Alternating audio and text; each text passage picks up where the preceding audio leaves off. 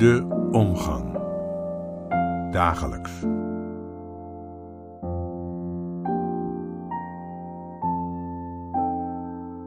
Zeven december.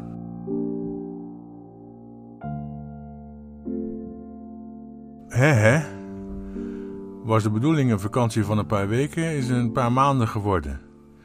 Na de vakantie kwam ik niet terecht achter de podcastmicrofoon, maar in een ziekenhuisbed. Drie operaties verder kan ik het wel uittekenen, de route die je gaat en die na twee keer bekend gaat voorkomen. De eerste keer dat je op een bed van de afdeling naar de voorbereidingsruimte wordt gereden, infuusje in je hand wordt gestoken, de band van de bloeddrukmeter om je arm, eindeloos je naam en je geboortedatum zeggen en zelf vertellen aan de chirurg wat hij of zij met jou gaat doen. Dan een eh, kapje op je neus en weg ben je. Onmiddellijk daarna weer bij te komen op de verkoeverkamer en dan al snel weer terug naar de afdeling. Drains die in de weg zitten, uiteindelijk weer wat eten en wat drinken. Die OK krijg je trouwens niet te zien, alleen de deur waardoor je daar naartoe zult gaan, maar voor het zover is ben je al buiten Westen. Een aparte sensatie. Toch gebeurt daar het, daar waar je geen zicht op krijgt, daar wordt er aan je gesleuteld. En daarna is alles anders. Je niersteen verwijderd, botvorming in je duimgewricht weggehakt, je galblaas losgepeuterd omdat hij jou een alvleesklierontsteking bezorgde, eruit getrokken door een piepklein gaatje in je buik waarvan je je afvraagt of daar wel een galblaas doorheen past, afgevuld met stenen, zoals de grote boze wolf in het sprookje. In elk geval, ik ben weer een beetje fit aan het worden en heb weer zin in het maken van podcasts.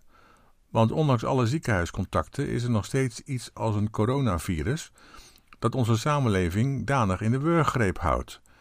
We zitten inmiddels al in de weken van Advent, de weken voorafgaande aan het kerstfeest. Het meest vreemde feest in de christelijke kerk, kerstfeest. De eerste eeuwen bestond het niet en was het maar zo gebleven. Had de paus het maar nooit ingevoerd, denk ik wel eens. In de Bijbel is er nauwelijks een tekst te vinden die reden geeft tot een kerstfeest en zeker niet een feest. Bij Marcus, de oudste, is Jezus er ineens als volwassen man. Bij Johannes, de jongste, vond men het blijkbaar niet meer de moeite waard om het expliciet over de geboorte van Jezus te hebben. Alleen rond de val van Jeruzalem, Matthäus en Lucas vertellen verhalen over het begin. Niet zo feestelijk trouwens, zo was de stemming ook niet, over een valse koning met zijn kindermoord en een fascistoïde keizer met zijn registratie- en AVG-geweld. We gaan het de komende podcasts erover hebben, want met kerst kan er veel misgaan. Het jammere van kerst is namelijk dat je van het kindje Jezus naar Pasen gaat en dat Pasen vervolgens een verhaal wordt over de lotgevallen van dit kerstkindje op volwassen leeftijd.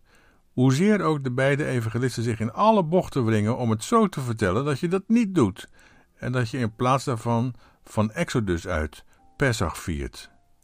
Kerstfeest kende de kerk niet de eerste eeuwen. Dat had beter zo kunnen blijven.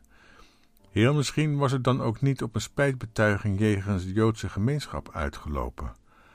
Pasen, dat is het feest waarop de kerk, ja, hoe formuleer je dat? Eh, van bloed wordt voorzien, zeg maar, tot leven komen kan. Voor zover Pasen niet gelezen wordt als het verhaal over het tragische lot van een onjoodse halfgoddelijke held. We hebben het er nog over. Er valt veel over te zeggen en dat gaan we ook proberen.